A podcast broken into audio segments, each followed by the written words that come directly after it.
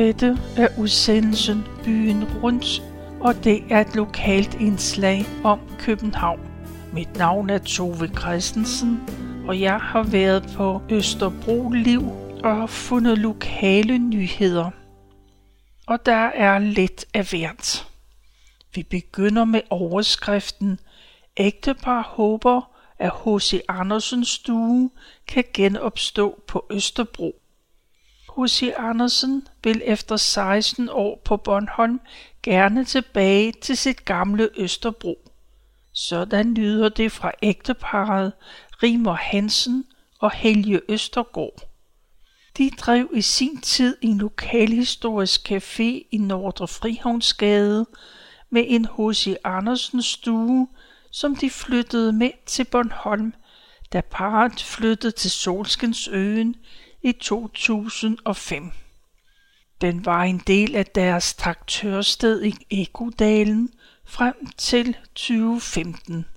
Nu ønsker de H.C. Andersens stue tilbage til Østerbro i eller omkring Rosenvængens kvarteret, og de sælger alt inventaret samlet, som de håber et værtspar eller en organisation vil købe. Køberne skal have en umøbleret stue på minimum 16 kvadratmeter, da der følger sofa, bord, stole, pendulur, damaskdu, mokkastel med guldkant og 30 fotos fra hans tid på Østerbro i mahogni-rammer. Desuden er der en montre med hans originale hår i visitkort, to originale digte en høj hat, men ikke den originale, samt mursten og potteskår fra landstedet Rolighed, som var hans hjem i hjemmet hos familien Melchior. Det er fundet ved udgravningen i forbindelse med gårdsanering i Kalkbrænderi Havnsgade. Vi vil være glade, om de nye værter har mod på at fuldende bogen om H.C. Andersen og hans borgerlige venner på Østerbro, hvor kun det sidste kapitel mangler.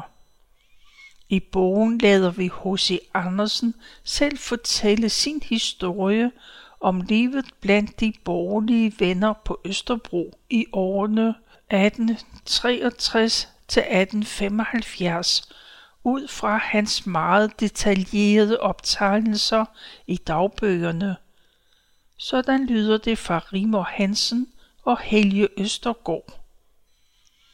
De ønsker også, at de nye værter vil arrangere rundvisning i H.C. Andersens fodspor og præsentere hjemmene i Rosenvænget, hvor digterens borgerlige venner boede.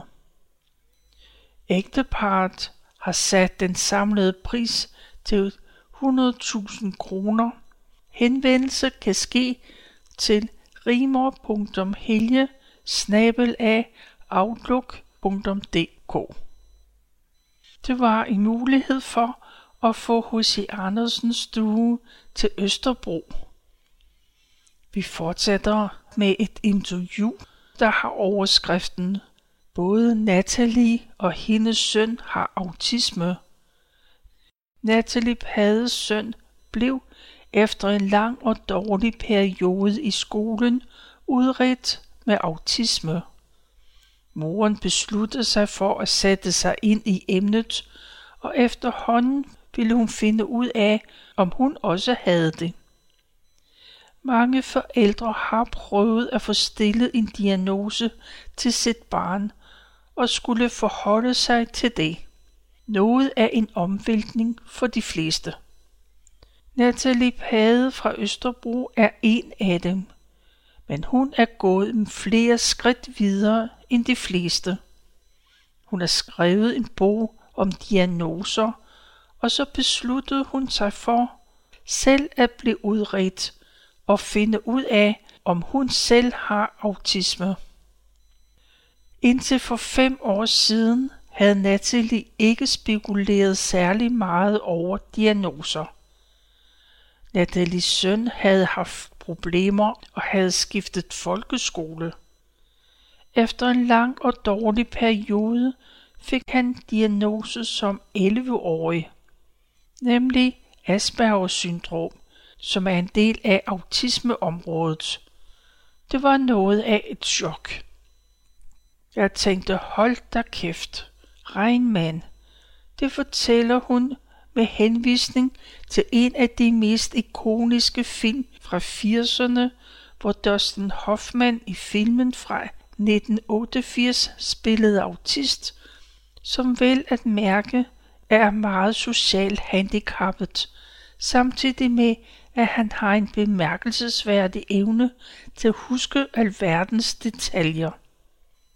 Og i parentes bemærket, så er filmens anden hovedperson i øvrigt Tom Cruise, som spiller en lillebror, der finder sin ukendte storebror efter farens død.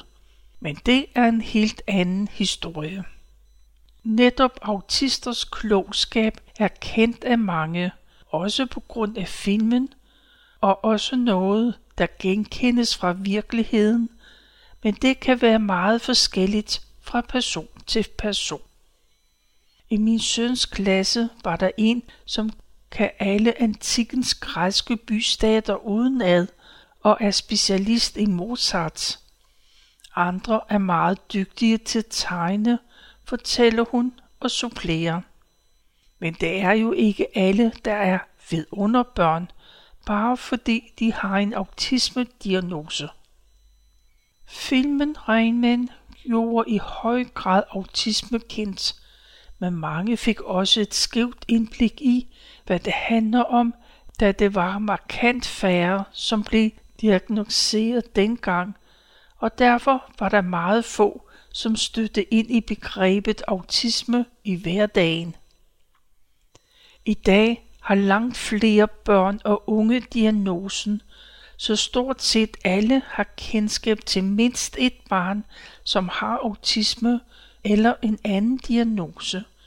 Og langt de fleste fungerer meget bedre socialt end Dustin Hoffmans rolle i filmen. Natalie Pade begyndte at sætte sig ind i tingene, efter sønnen havde fået diagnosen. Hun siger, så fandt jeg ud af, at det ikke var regnmand, men der er et stort autismespektrum. Jeg begyndte at læse og researche selv, så er det en hel verden, man går ind i. Og jeg fandt ud af, at der var meget mere almindeligt, end jeg troede. Jeg gik ind i Facebook-grupper og opdagede nogle med nogle kæmpe problemer, fortæller hun. Natalie Pade bor med sin søn og kæreste i området omkring Strandboulevarden og Nordre Frihavnsgade. Hendes søn har gået i to forskellige folkeskoler. Hun har oplevelsen af, at han stort set altid har været velfungerende, ikke med en kæmpe omgangskreds, men han havde få, men gode venner, og han havde sine interesser. Det begyndte at gå helt galt, da en anden dreng i klassen gjorde skoledagen til et helvede for ham. En bølle, som totalt dominerede sønnen. Hun siger, lige pludselig opdagede jeg en dreng, der var et mørkt sted, som ikke spiste ret meget, eller sov ret meget, og ikke kunne gå i skole. Det opdagede jeg for sent, fortæller Natalie om denne oplevelse. Sønnen skiftede derefter fra en folkeskole til en anden, og i begyndelsen gik det rigtig godt. Det virkede super godt i starten, men så efter 14 dage gik han ned med flaget, fortæller hun. En lang tid gik sønnen ikke i skole, og et såkaldt udredningsarbejde, hvor lægerne finder en eventuel diagnose, blev sat i gang. Oprindeligt for at få bugt med en invaliderende angst, der havde formørket sønnens liv. Men familien gik derfra med en autismediagnose i stedet. Noget som Natalie ikke lige havde set komme. Sønnen havde en lang periode, han ikke gik i skole, og hun oplevede, at folkeskolerne, trods god vilje, havde svært ved at tilbyde ham det, han havde brug for. Men siden er sønnen, som nu er 16 år, kommet på specialskole, og det fungerer rigtig godt for ham. Jeg kan ikke sige nok godt om den specialskole, min søn går i. Han har fået selvtillid og er selvkørende og har venner omkring sig, fortæller hun. Natalie Pades egen research er mundet ud i bogen Jeg er. Som journalist og forfatter og underviser er hun vant til, at man sætter sig ind i mange forskellige emner og vant til at formidle. Og det mundede ud i en bog, hvor hun ud over at fortælle sin egen families historie, også interviewer andre, som har det inde på livet og skildrer videnskaben bag diagnoser og forskellige holdninger til det, både blandt fagfolk og lægefolk, der har det inde på livet. Jo mere hun satte sig ind i emnet, blev hun også nysgerrig omkring sig selv i forhold til autisme. Der skete efterhånden det, at det jeg begyndte at analysere alle de træk ved autisme, så kunne jeg genkende mig selv. Søg, og du skal finde, konstaterer hun. Samtidig var hun i en periode efter søns diagnose og lange pause fra skolen, hvor hun efter eget udsagn ikke kunne holde sammen på sig selv. Natalie Pade besluttede sig derfor for selv at blive udredt, og resultatet var en diagnose med både autisme og ADHD. I det store hele har hun været glad for den afklaring. Hun siger, det kan være en hjælp at vide, at det er de og de og de faldgrupper, og du lærer dem efterhånden at kende. Nogen går fra det ene sociale arrangement efter det andet som en fisk i vandet.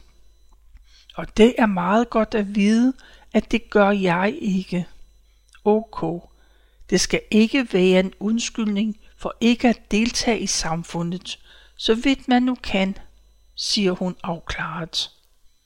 Hun er klar over, at det både for voksne og især for børn kan være en fare for at blive sat i bås med en eller anden diagnoser, men hun mener, at fordelene ved at kende sig selv og sine muligheder og begrænsninger er større, hvis det omgivende samfund giver rum for, at vi ikke alle er ens.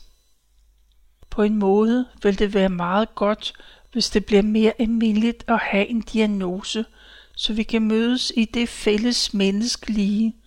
Og det er ok, at nogen os trækker os lidt fra noget af det sociale, siger hun. Det var interviewet med Natalie Pade og hendes rejse med diagnoser. Så skal vi til noget andet, for overskriften lyder – som de eneste i hele København. Østerbro Skole skal deltage i nyt udviklingsprojekt. Ja, den er god nok. Som den eneste skole i hovedstadsområdet er Lundehusskolen udvalgt til at deltage i den spritnye skoleudviklingsprojekt Play Hard.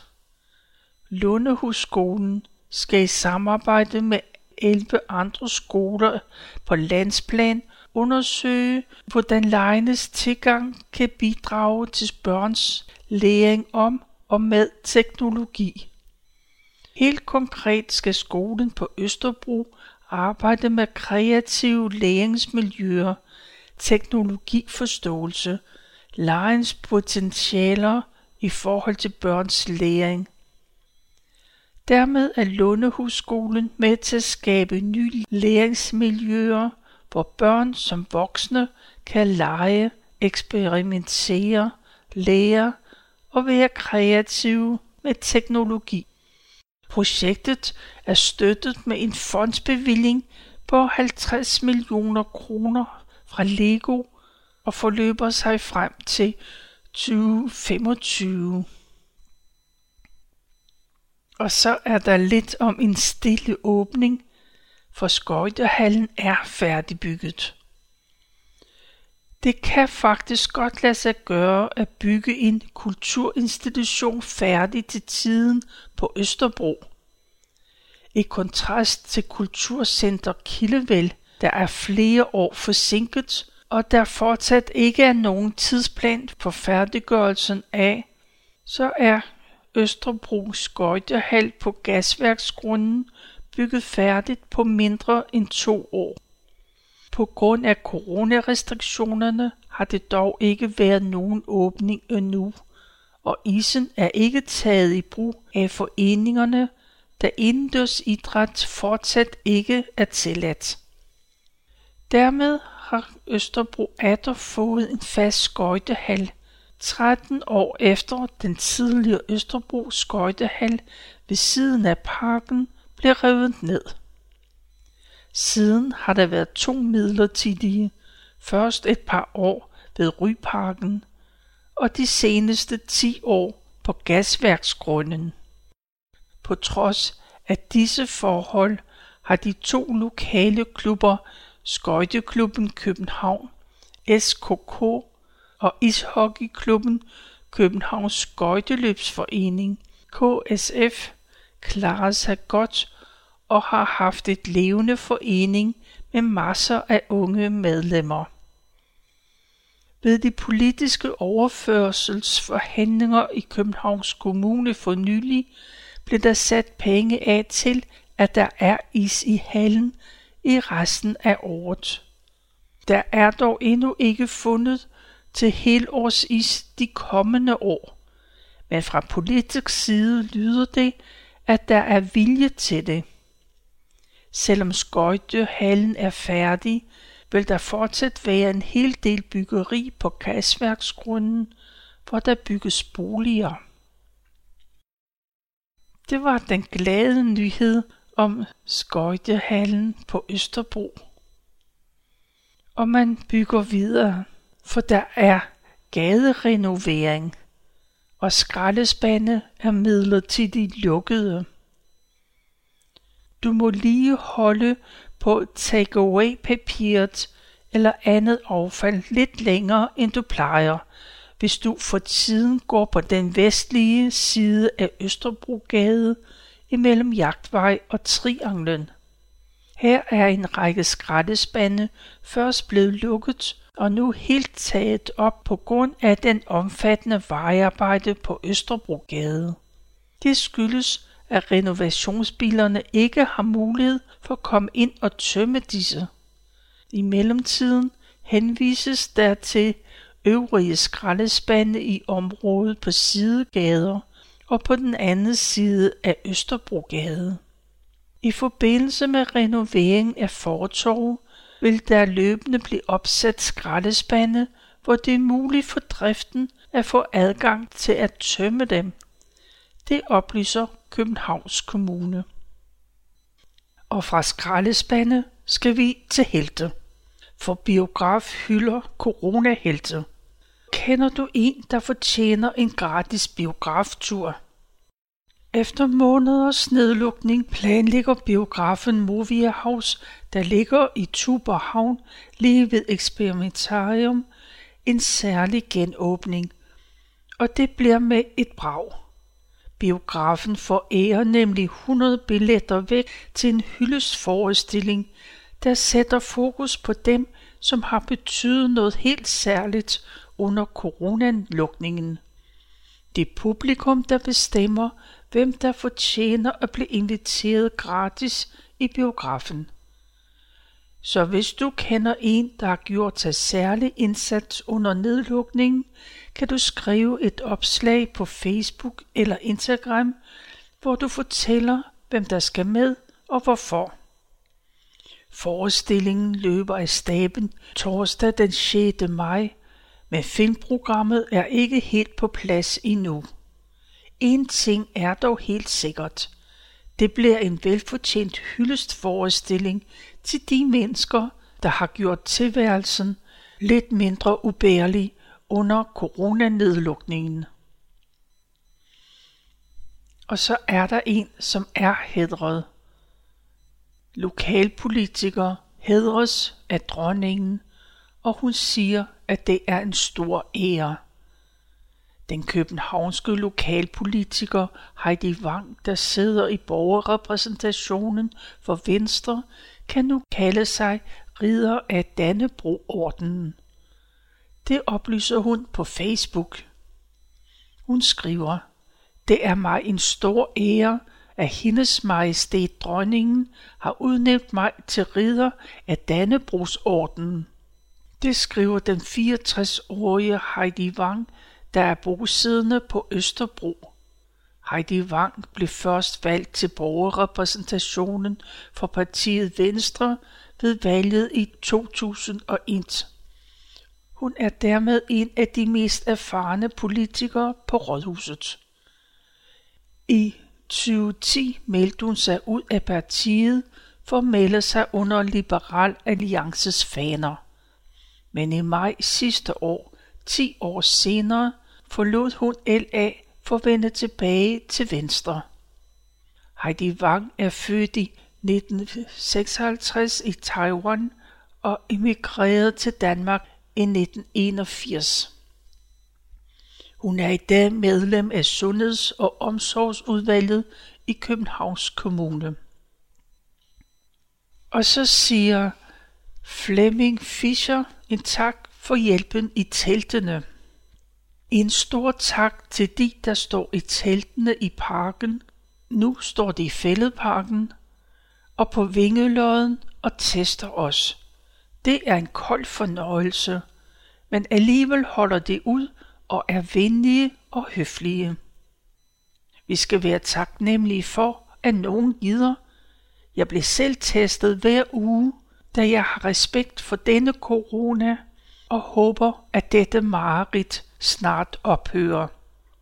Ikke siden 1940 til 45 har danskerne oplevet en krise, dog uden sammenligning. Jeg synes, at vi skylder alle de, der har med corona at gøre og passer på os, skal have et stort tak. Og næste overskrift, det er, der er brug for det. Nu skal vi igen hedre Østerbros butiksliv. Mere end to måneders nedlukning af detailforretninger og fortsat udelukkende take-away fra spisesteder, så er det frisører og de øvrige liberale erhverv, som åbner. Der har været nogle udfordrende måneder for Østerbros butiksliv. Ja, det har været en udfordrende år. I det omfang forretningerne har måttet have åbent, har de også skulle holde rede på håndsprit og afstand imellem kunderne. Og oven i det hele gik en omfattende vejarbejde i gang på butiksgaden Østerbrogade, samtidig med de små detailforretninger åbnede 1. marts. Hvis nogen ellers skulle gå rundt og tro, at det rige og mangfoldige butiksliv, vi har på Østerbro, bare kommer af sig selv, har det seneste år bevist, at det ikke er tilfældet. Der skal kæmpes i forretningerne, og vi andre skal bakke op ved at købe vores ting lokalt. Lige netop i denne tid har vi derfor brug for at vise, hvor meget vi holder af Østerbros forretninger. Østerbro Avis genoptager derfor månedens Østerbro butik i samarbejde med sponsoren Danske Bank Østerbro. Og da der virkelig er brug for fokus på de lokale butikker, skal vi kåre to forretninger i april.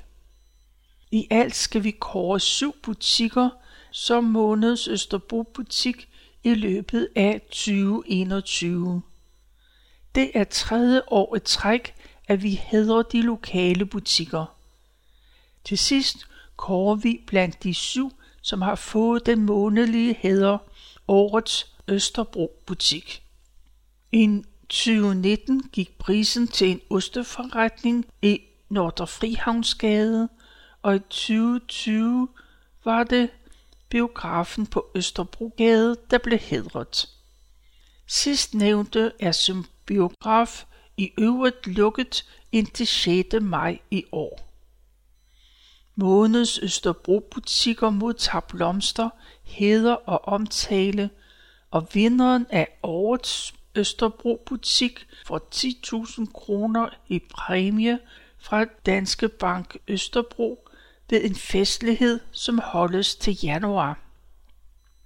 Det er igen Østerbros avislæsere og brugere, der kan anbefale butikker til åbning som månedens Østerbro-butik. Det sker via Facebook-siden Østerbro Liv.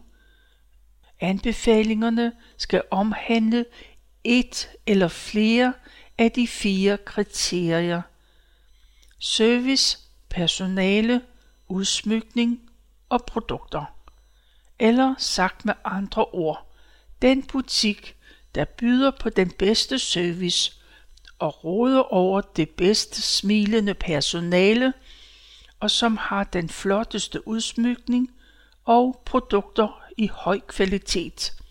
De vil komme i betragtning, når dommerpanel vurderer de mange anbefalinger. Dommerpanelet består af repræsentanter fra Danske Bank Østerbro og Østerbro Avis. Og her til sidst har man stillet spørgsmål. Hvorfor er træerne beskåret så kraftigt? I forlængelse af debatten og forbuddet mod at fælde træer i private haver i Rosenvænget kvarterer, så undrer en læser sig over, af to træer på kommunale grunde på Gammel Kalkbrænderivej er beskåret temmelig meget. I det hele taget kan man se en hel del beskårne træer på kommunens arealer på Østerbro for tiden. Teknik- og Miljøforvaltningen i Københavns Kommune har svaret på vores henvendelse om, hvordan det kan være. Og de skriver, Træerne var senest beskåret for 5-10 år siden. Dengang lavede man en såkaldt stygning, hvor man skærer grene ind til hovedstammen.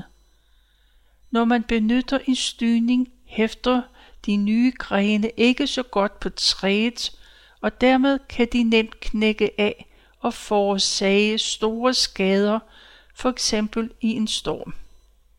For at undgå ulykker har vi derfor stynet træerne endnu en gang. Det er det sikreste at gøre, men det er ikke det mest hensigtsmæssige.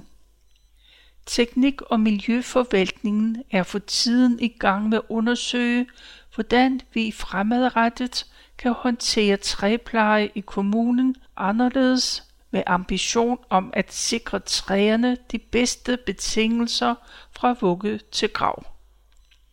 Teknik- og Miljøforvaltningen overtog i fjor en række opgaver, herunder avanceret træfældning og træbeskæring. Siden da har forvaltningen registreret og skrigende tusindvis af træer for at vurdere træernes sundhedstilstand. Træscreeningen er blevet lavet på Vestamager og Østerbro for at få en repræsentativt udsnit af byen med henblik på at lave en kvalificeret vurdering af vedligeholdelsesarbejdet. Forvaltningen har desuden risikovurderet træerne for at forebygge ulykker. Screeningen afslører 335 opgaver, der efter forvaltningens vurdering skal løses inden for 6 måneder af hensyn til sikkerheden.